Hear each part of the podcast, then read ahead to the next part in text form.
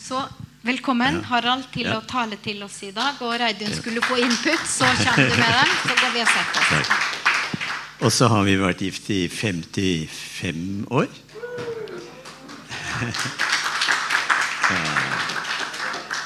Ja, det er anbefalt.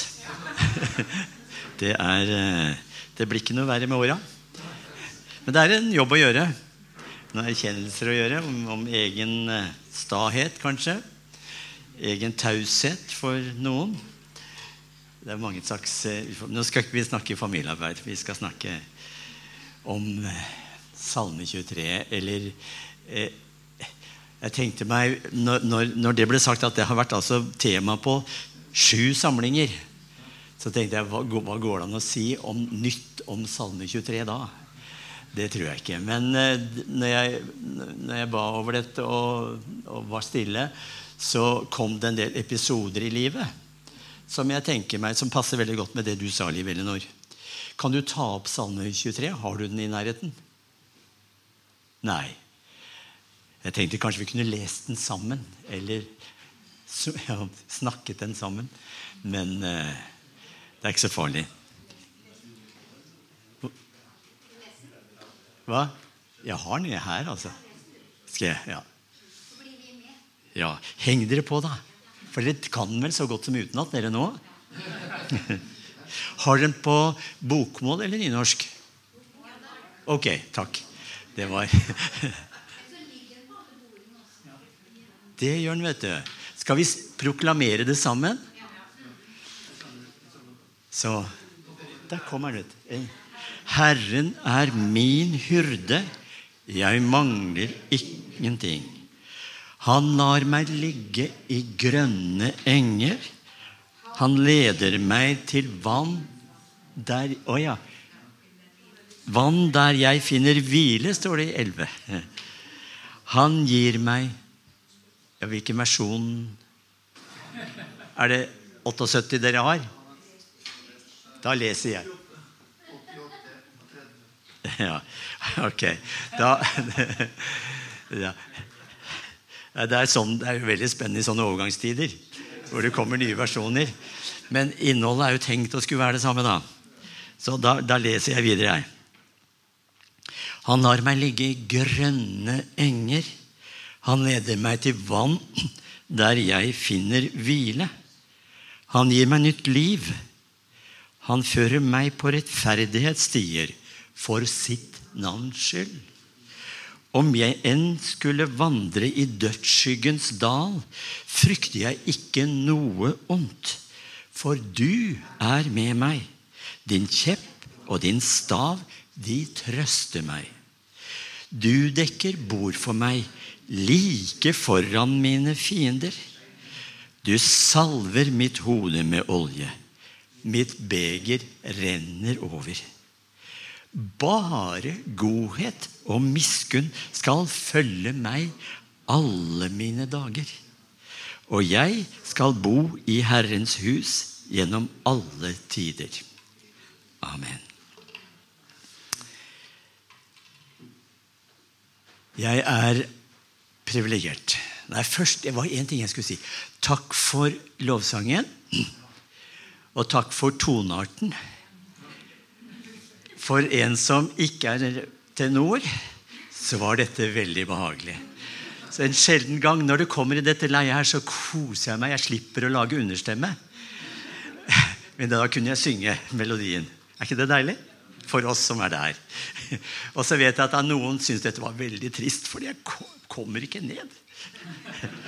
Men sånn er vi skapt. Men takk skal du ha. Jeg er privilegert. Mor og far valgte å følge Jesus. Alle mine fire besteforeldre valgte å følge Jesus. Og Jeg husker det ble sagt om min bestefar i, i hans 70-årsdag. Da var pastoren der, og han sa det er så godt når Larsen er på møte. For da kan jeg hvile øynene mine i hans øyne. For jeg ser han er helt med. Og jeg kjenner jeg blir litt sånn god inni meg når jeg tenker på bestefar. Og eh, Sånn dyp tillit til Gud. Og jeg vet at fra jeg ble født, så kom jeg inn i bestemors bibel.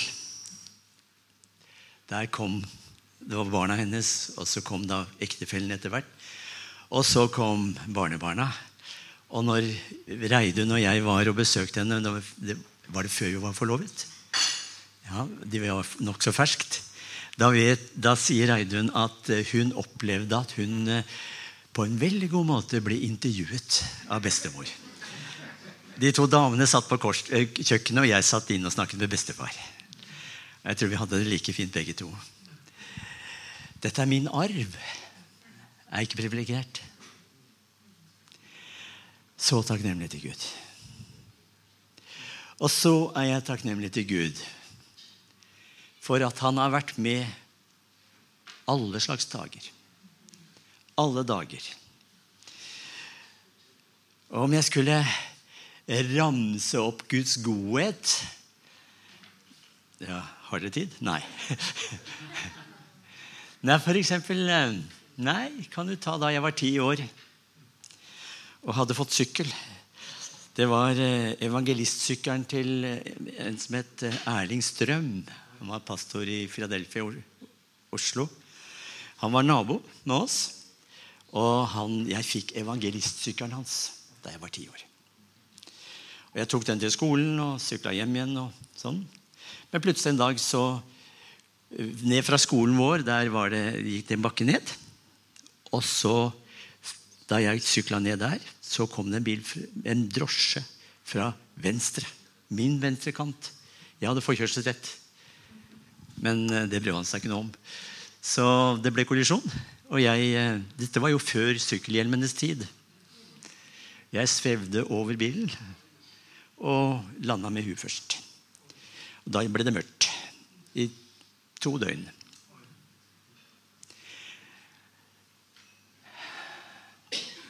Da, ja, mor, jeg, mor fikk jo til slutt greie på at det var skjedd noe. Så hun eh, fikk da var, Vi skulle ut og bade. Jeg skulle Ja. Og så traff hun en, en klassekamerat som sa at det hendte noe forferdelig. sa han. Harald har kollidert, og det gjorde sånn med øyet hans. sa han. Og mor ble redd. Dette var relativt lenge før mobiltelefonenes tid. Så, eh, så, hun kom seg av gårde til en butikk, fikk lånt, fikk lånt en telefon. Ringte til legevakta og sa ja da, han, han har vært innom her. Han ble sendt videre til Ullevål sykehus, og han levde da han ble sendt.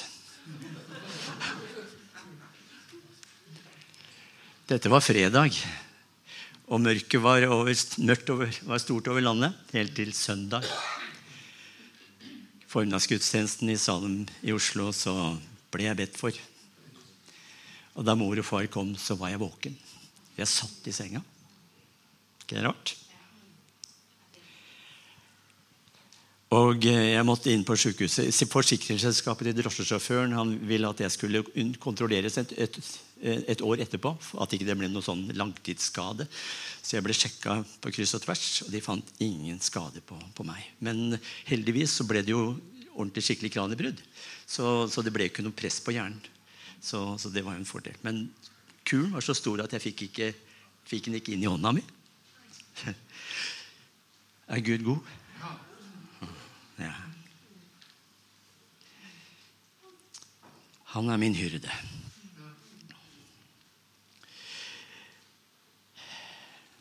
Jeg eh, Det er en, en, en salme 139 som jeg har eh, ytra ønske om at vi skulle synge etterpå. Jeg tror det blir fordi jeg hørte dere øvde. Den kjenner vi. Herre, du ransaker meg, og du vet. Du vet om jeg sitter eller står. På lang avstand kjenner du mine tanker. Om jeg går eller ligger, ser du det? Du kjenner alle mine veier. Før jeg har et ord på tungen, Herre, kjenner du det fullt ut. Bakfra og forfra omgir du meg. Du har lagt din hånd på meg. Det er et under jeg ikke forstår. Det er så høyt at jeg ikke kan fatte det. Dette er min Gud. som David skriver om.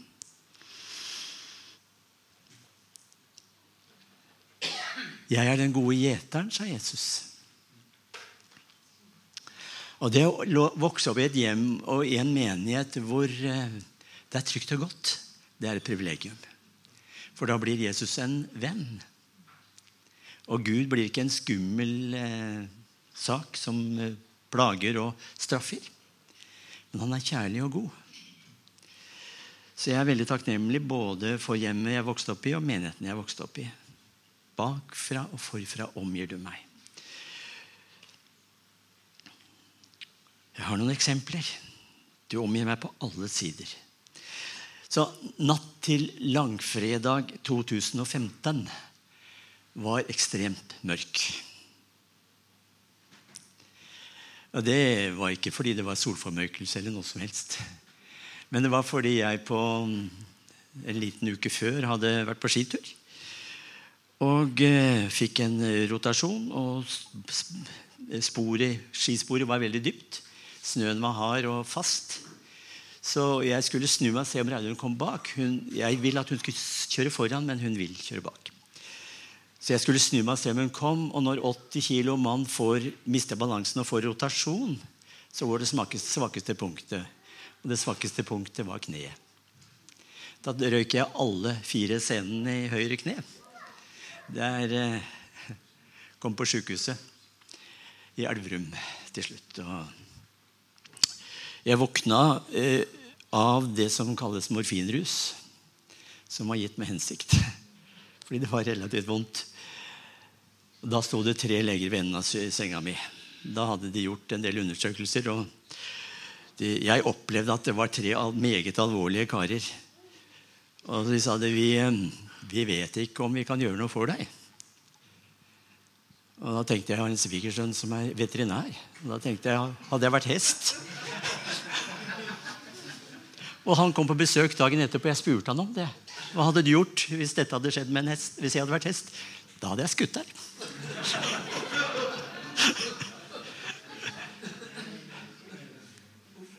Men de sto der og så sa vi vet, og vi har, skal ta kontakt med Ullevål sykehus og undersøke om de, er, om de tør å gjøre noe. Men det vet vi ikke. Det var en artig beskjed å få.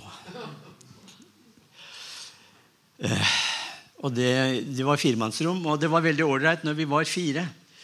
Fordi da hadde vi det, fire karer som har vært gjennom operasjoner. De, de har jo en, det blir en egen form for humor. Så vi hadde det veldig gøy. Men de ble sendt hjem til påske.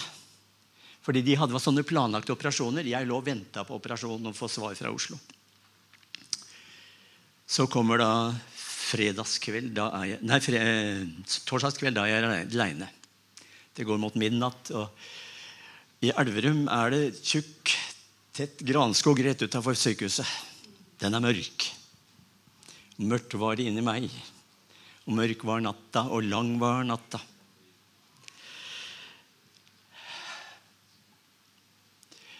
Og så begynte jeg å tenke, Herre Jesus, langfredag, den var lang for deg. Dette her vet du noe om. For jeg har lest litt om hva korsfestelse gjør med leddene i kroppen. Ikke sant? Henger, kroppsvekten henger der og leddene dras omtrent fra hverandre. Det er brutalt. Det er grotesk. Så sa Herre, dette, du, dette, vet, dette kjenner du til. Du har vært der. Og så gikk det, men, men natta var jo like mørk. Var, det var like mørkt inni meg. Så tok jeg fram telefonen min, så hadde jeg, en, en, eh, hadde jeg digitalisert en CD jeg hadde fikk av broren min.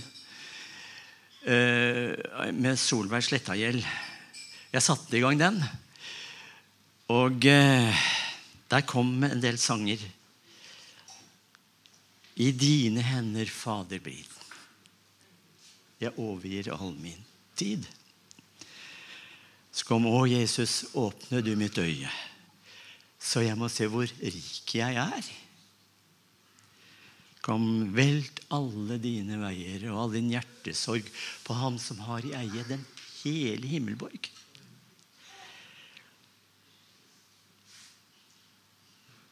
Jeg kan ikke rekna dem alle, de pro på Guds godhet jeg har rønt, erfart.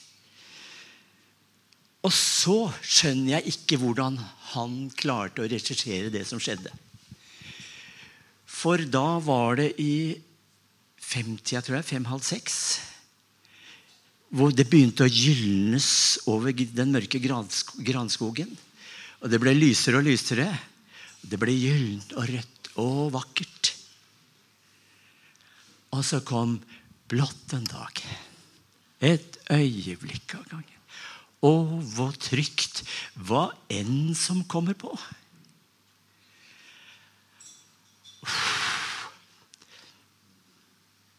Dette er vanskelig å si uten å begynne å grine, for det var det jeg gjorde. Gamle, voksne mannen lå og grein midt på natta. Og så kom 'Slik som jeg er'. Kom jeg til Gud og fant heima til far. Og siste var 'Han gir og han gir, og han gir igjen'. Turte de å operere på, på Ullevål? Ja da. Dette syntes de var spennende, gitt. Det hadde de aldri vært borti før. Og de planla.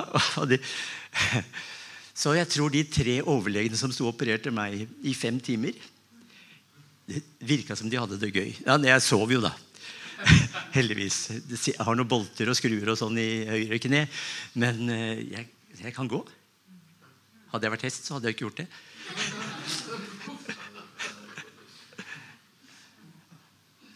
Og så tenker jeg jeg bor i Norge, jeg.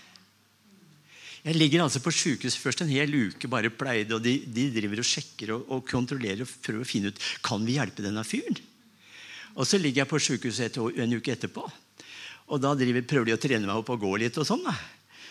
Og så blir jeg sendt hjem, og så får jeg rekvisisjon til fysioterapeut. Reiser til, og får i løpet av noen få dager time hos fysioterapeut. Tre ganger i uka. Ja, ok, ja, men da, jeg, da skal jeg kjøre en Da var Raudun med da, første gangen. Da, jeg, skal jeg kjøre, da kommer jeg med han. Nei da. Når jeg setter ny time, så går det melding automatisk til drosjesentralen. Som henter han hjemme. Kjører han hit, og så kjører han hjem igjen etterpå. Mye koster det? Ingenting. Tenk på det. Vi er jo så privilegert. Vi har det så godt. Ja, nei jeg, nei, jeg er takknemlig for at jeg valgte å bli født i Norge.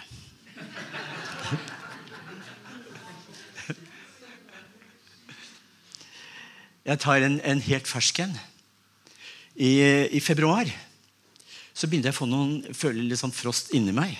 Frostbyger kom det etter hvert. Feber oppi før. Jeg følte meg ikke noe så veldig frisk. Og Reidun er sykepleier og ble nokså bekymret. Til slutt så kjørte hun meg til lege, for å si det sånn. Jeg er jo mann. fastlegen, og der eh, sjekka de blod og urin og, og fant en CRP på 200. De som kan noe om det, vet at det er ikke helt sunt. Så jeg ble lagt igjen med en gang. På sykehuset påstod de at de fant at CRP-en var 270. Med frostbyger. Og jeg står her. Og Reidun, når hun gikk fra sykehuset, da så hun ikke sikker på hvordan det stod til neste dag. Eller hun. Fikk intensiv behandling, og etter noen dager så klarte de å, å, å finne ut hvilken bakterietype det var. Hva?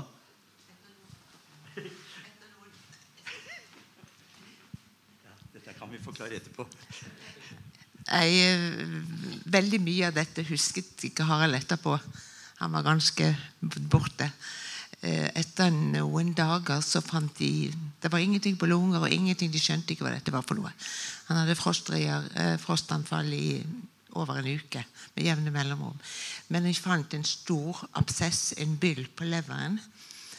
Og det er, eh, var en veldig, også sånn, veld, veldig stor. Og så fant de bakterietypen. Og eh, fikk spisset den. Eh, det som var Skal jeg ta resten av historien? Det kan godt. Ja. Det som var veldig spesielt, det var det at han, Jeg tror Hvis ikke han hadde kommet inn den dagen, så hadde jeg ikke hatt den dagen etterpå. Det er jeg ganske sikker på. Det var tre dager med oppi overført feber. Men eh, han kom hjem, fikk, nei, han fikk permisjon etter eh, to uker på sykehus. Så eh, var han hjemme i helgen.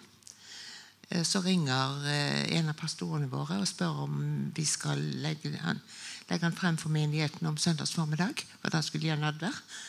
Og han eh, er selv helsearbeider og sa at hvis dere opplever at det blir vanskelig, så har vi respekt for det. Nei, sa vi, det var kjempefint om han kunne legge han frem.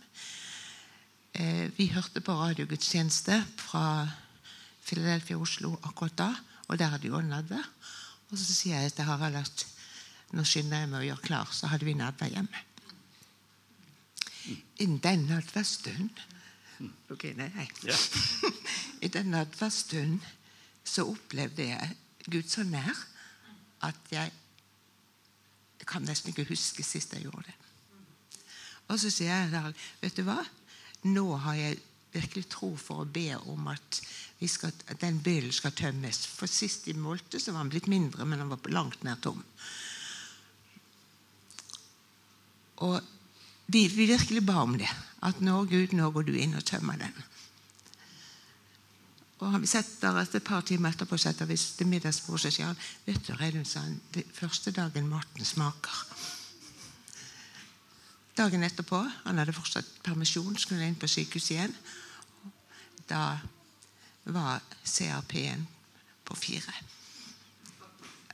Og, og han fra den dagen Han gikk jo på medisiner i mange uker, men fra den dagen der Så vi har fått lov å oppleve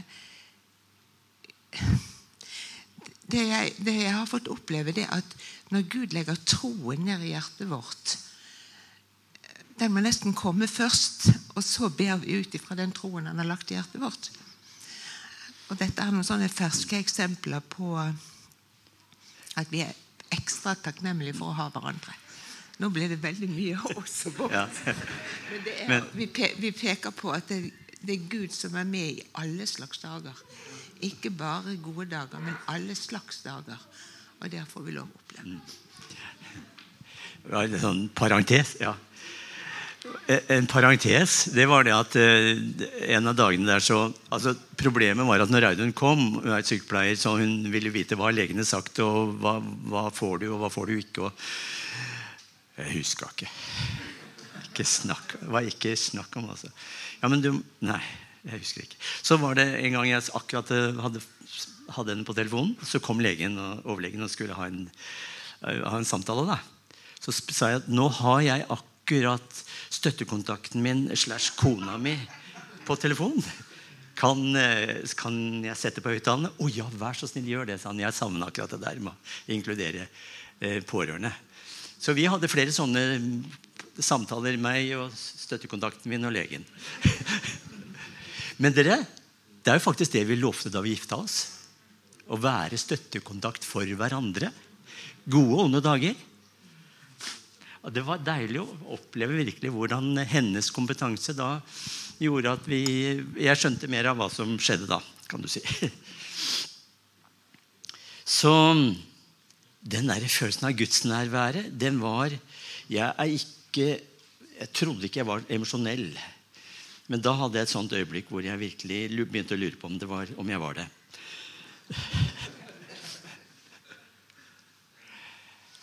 Gud er god. Tenk på det. Så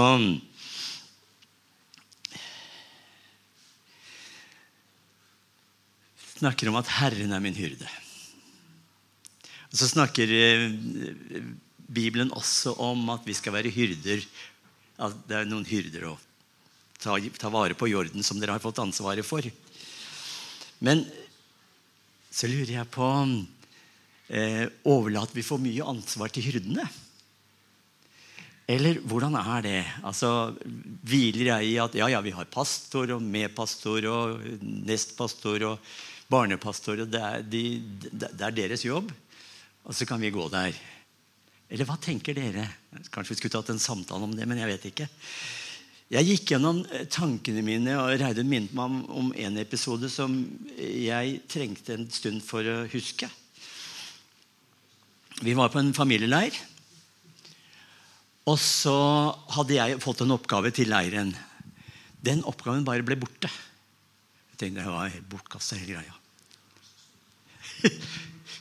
Det var godt ikke dere hørte hva hun sa. Han var så sur, sa hun. Er, dessverre så er det sant, altså. Jeg var sur.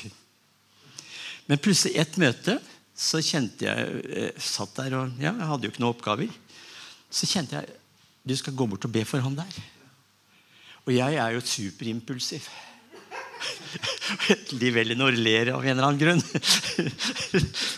Det er vel kanskje det som er lengst fra meg. Veldig lite impulsiv. Men jeg gjorde det. Er det noen av dere som har prøvd å be når dere har sandpapir i munnen? Har dere det? Jeg hadde det. Munnen full av sand. Og Jeg gikk ned og følte meg så dum. Dagen etter så kom det en, en mann bort med en far. sa du, kan du være sånn å bli med meg og be for sønnen vår. Han, det er den og den situasjonen. Det er nokså kritisk. Kan du være med og be? Ja da, det skal jeg gjøre. Og gjør det. Og plutselig tørker munnen min opp igjen. Tørt som bare det. Så går det altså noen måneder, og så får jeg vite at denne gutten han, han ble frisk. han. Og denne mannen, da som var det, Dette var en familie der hvor man har meldt seg på. og sånn, Men han, de bodde i nærheten, så de bare møtte opp på leiren de, på et møte. Og det han hadde sagt før han dro, det var enten møter Gud meg nå, eller så er det slutt. Gidder ikke mer.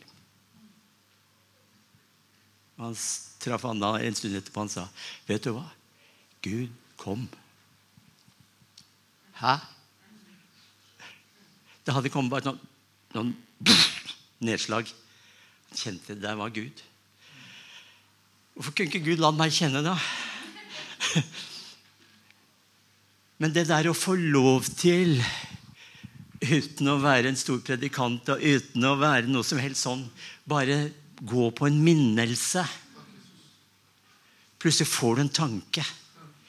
Gå på den, for det kan være Den hellige ånd. Og hvis det ikke er det, så er det ikke så farlig. Er det vel? Tenk om vi kunne være lydige når vi får disse små minnelsene. Så slipper vi å overlate alt dette til pastorene og de ledende i menigheten. Det er vi som er medmennesker. Vi skal være der for hverandre og med hverandre med det Gud gir. Er ikke, Gud er jo fantastisk. Han bruker, brukte meg. Så det der å tørre å respondere på den der lille rare tanken Men jeg, ikke meg, da. Gud, send han. Og det skjedde en gang. Jeg pleide av og til å få tanker sånn ut i møte. Et eller annet, kanskje et bibelvers eller en sangstrofe eller no, eh, bare en tanke. Og så gikk jeg fram og, og, kom med det, da. For det var ikke så veldig stor menighet, omtrent på denne størrelsen her, tenker jeg. Eh, så tenkte jeg men altså, hvorfor er det bare meg, liksom? Så neste gang da hadde vi en litt kjent eh, Oslo-predikant på besøk. Vi bodde utenfor Oslo. Og når den tanken kom, så sa jeg Herre, la han få lov til å gå. Hvis det er deg, så la han komme fram og, og si det. Og så gikk det tolv og et halvt sekund, tror jeg, og så reiste han seg opp og så gikk han frem og sa det jeg skulle ha sagt. Vet du hva? For det første er jeg skamfull. Det er den ene følelsen. Den andre er en takknemlighet. Herre, takk for at du bekreftet at det er deg. Og så får jeg heller gå på disse minnelsene som kommer. For jeg tror mange av oss får det. Impulsiv eller ikke. Men bare ta imot den der lille tanken. Kanskje du skulle gå og besøke den der. Nei, men jeg kjenner henne jo ikke. Nei, nei, men hun har jo så mange venner. Eller han Grip tanken. Det kan være Gud. Og hvis ikke, er det noe farlig? Så tenk om vi kunne bli flinkere til det der. Jeg, jeg tar med ett eksempel til, som er noe av det rareste jeg har vært med på. Vi har altså bodd i Afrika i fire år. Det er spennende. Eh, og krevende. Og utmattende. Og mye mer. Men var, vi var to år i Svasiland og to år i Kongo. Og så var det, Vi bodde rett ved siden av pastoren, og han, han lurte på om ha, vi skulle ha et seminar for menn. For mannsrollen og kvinnerollen i, i Afrika det er to ting jeg takker Gud for. Det ene er at jeg ikke er landrover i Afrika. Og det er for så vidt nokså utenkelig. Den andre er at jeg ikke er kvinne i Afrika. De hadde et tøft liv. De bar hele samfunnet på hodet sitt. Bokstavelig talt. Så mannsseminar, ja, det kunne jeg. Jeg satt og forberedte meg. Det er noe av det Jeg har aldri opplevd det verken før eller siden. Jeg er ikke så veldig visuell, tror jeg, men det kom bilder eller situasjoner som kom for meg. Jeg bare noterte dem ned etter hvert som de kom. Og Det rare var at det passa sånn omtrent inn i det jeg skulle si. Så vi hadde noen timers eh, seminar. Og ferdig så kommer det en mann ja, godt opp i årene stormende fram. Så at jeg har vært gift i 19 år. Jeg har ikke sagt takk til kona mi en eneste gang på de 19 åra. Dere må be for meg. Og Etterpå så sa pastoren Du, Harald. Har du vært hjemme hos alle disse folka der, eller? Nei. Jeg bare fikk det. Utrolig. En fremmed kultur. Sånne interaksjon og samhandling som jeg ikke kunne så veldig mye om. Jeg hadde sett noe. Men det må jo vært Den hellige ånd. Tenk bare å få det. Gud er god. Så det der å, å tillate seg å ta imot, og så tørre å bruke det og gjøre det.